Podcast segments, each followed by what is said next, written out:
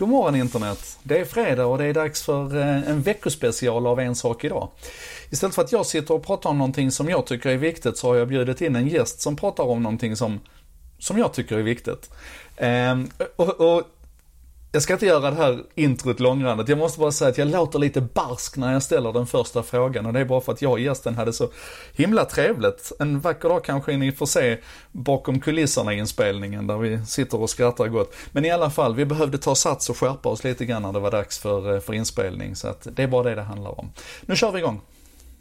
Jag läser Judith Wolsts bok som heter Digital panik. Och där är kapitel som heter Den digitala revolutionen, det digitala samhället, den digitala människan, de digitala redskapen. Jättestora grejer. Mm. Och sen helt plötsligt så slår de ner på nedslag, AI och jobben och bryter loss det och gör en grej av det. Varför, mm. varför gjorde du det? Jättespännande, för jag har liksom inte tänkt på det riktigt. Det där var en liten snutt som jag skrev ganska tidigt när jag liksom skrev boken. Innan jag hade satt upp den här vet, stora bilden över vad, vad, boken skulle bli. Och sen blev det ganska tydligt att jag ville prata om ett, vad digitaliseringen är. Eh, och lite så här förtydliga den och göra den lite mer ja, begriplig helt enkelt. Och sen väldigt mycket om människan. Vi, när vi liksom slår upp en kvällstidning så är det väldigt mycket det här eh, skärmarna påverkar barnen, vi får minskad empati, vi blir liksom stressade, vi multitaskar så att vi liksom presterar sämre på jobbet, allt det där. Den biten är jag ut. Sen reder jag ut eh, samhället filterbubblor, liksom demokratin utmanas och vi lever i liksom insnöade världar och allt det där. Vad är, vad är det egentligen vi pratar om och vad innebär det här och hur det påverkar oss?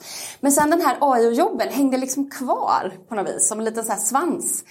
Men också tänker jag att den här boken har jag skrivit mycket för eller så här, jag tänker att de som lyssnar på En sak idag har kommit liksom en bit på sin digitaliseringsresa. De eh, liksom är, har ganska bra koll, tror jag, för att det är då man är intresserad av dina fördjupningar.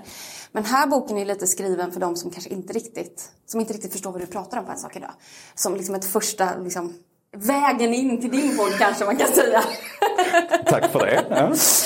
Och där upplever jag också att det finns en, en, en oro när jag är ute och dels jobbar och föreläser men också pratar med mina liksom, kompisar som är, ännu inte har följt 40 men som märker att arbetsplatserna liksom förändras allt snabbare, det blir mycket mer liksom, digitala inslag, det ställs helt andra krav på det här konstanta lärandet och, och sådär. Så den hängde kvar för att det är eh, en fråga som jag upplever liksom gärna tas upp och, sådär. och det finns en väldig oro i det. Så om då boken heter Digital panik och tanken är att man ska få minskad digital panik när man har läst den så kände jag också att det finns väldigt mycket oro kopplat till jobbet. Eftersom jobbet är ju inte någonting som bara gör att vi kan överleva. Det är hela vår identitet, vi får en struktur på livet. Många blir väldigt nervösa. Vad skulle hända med mitt liv ifall jag inte har ett jobb? Så, så vad säger du i det kapitlet då? Kommer, kommer alla att bli av med jobbet för att maskinerna tar över?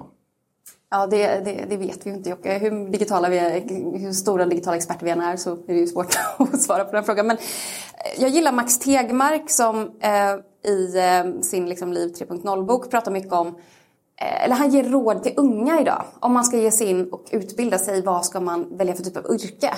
Och då ställer han tre frågor. Innebär yrket att man tänker utanför boxen? Så liksom kreativt tänkande.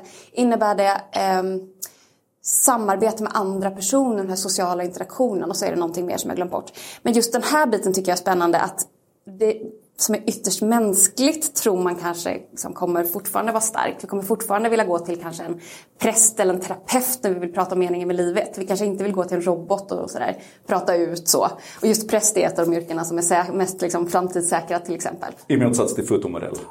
Fotomodell hamnar ju precis överst, exakt den där liksom listningen som, som finns. Och, eh, redovisningsekonomer och lite sådär. Eh, så just att det finns en sån oro kring ämnet tror jag gjorde att den fick ligga kvar i boken. Men om man, inte, om man redan har ett jobb idag, man, man har inte alternativet och valet att, att bli präst istället. Nej. Så, kanske. Eller kändis också. Ja, ja, Spårdam, spårdam ligger också Kändis är bra, spårdam är bra. hur, kan man, hur kan man framtidssäkra sig själv? Men det där vi föreläser ju ihop ibland eh, och jag gillar ju din take just kring det här att man måste våga ge sig ut och testa. Liksom. Och det är ju min tes väldigt mycket också. Att eh, vi måste våga liksom, närma oss tekniken, vi måste våga prova, vi måste våga, men som Dagny som du brukar ta som ett exempel, att liksom, 100-åringen som, som började blogga som liksom, 100-åring just. Mm.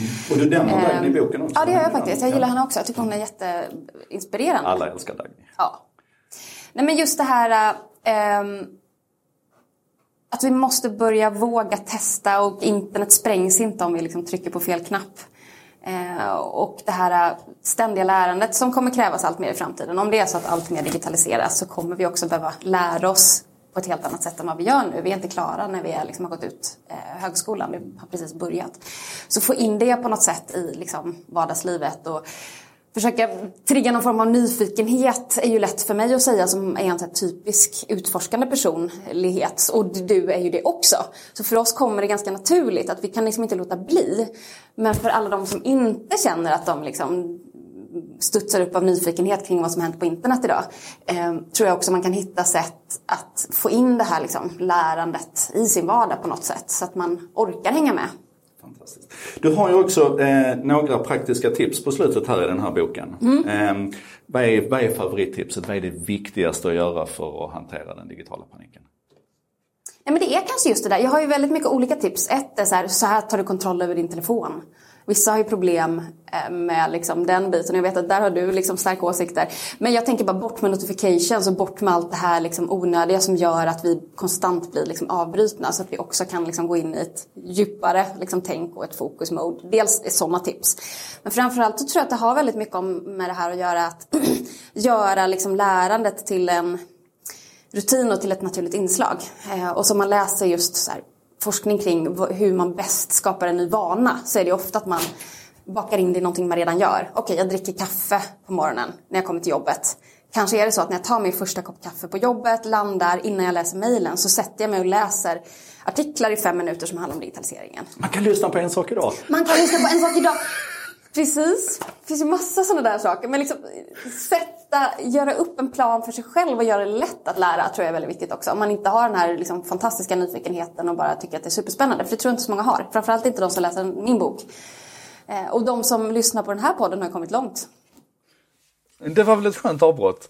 Um... Det här kommer jag göra om. Jag kommer försöka göra detta en gång i veckan. Och eh, om du har någon gäst som du jättegärna skulle vilja se här, jag har en lång lista redan, ett par inspelade och sådär. Men fyll på här nu med gäster och nätverket är ju stort så jag kan nog få med alla. Det här var i alla fall en sak idag, producerat av mig Joakim Jardenberg. Tack så jättemycket för att du tittar. Se till att följa det här nu. Det finns i alla kanaler och dela gärna med dig till en kompis också och säg att de kanske också borde titta. De har ju hela helgen på sig nu att titta ikapp. Så ses vi på måndag. Mm. Det, här, det här hoppas jag inte att du tog med Jocke. Nej, det tar jag inte med.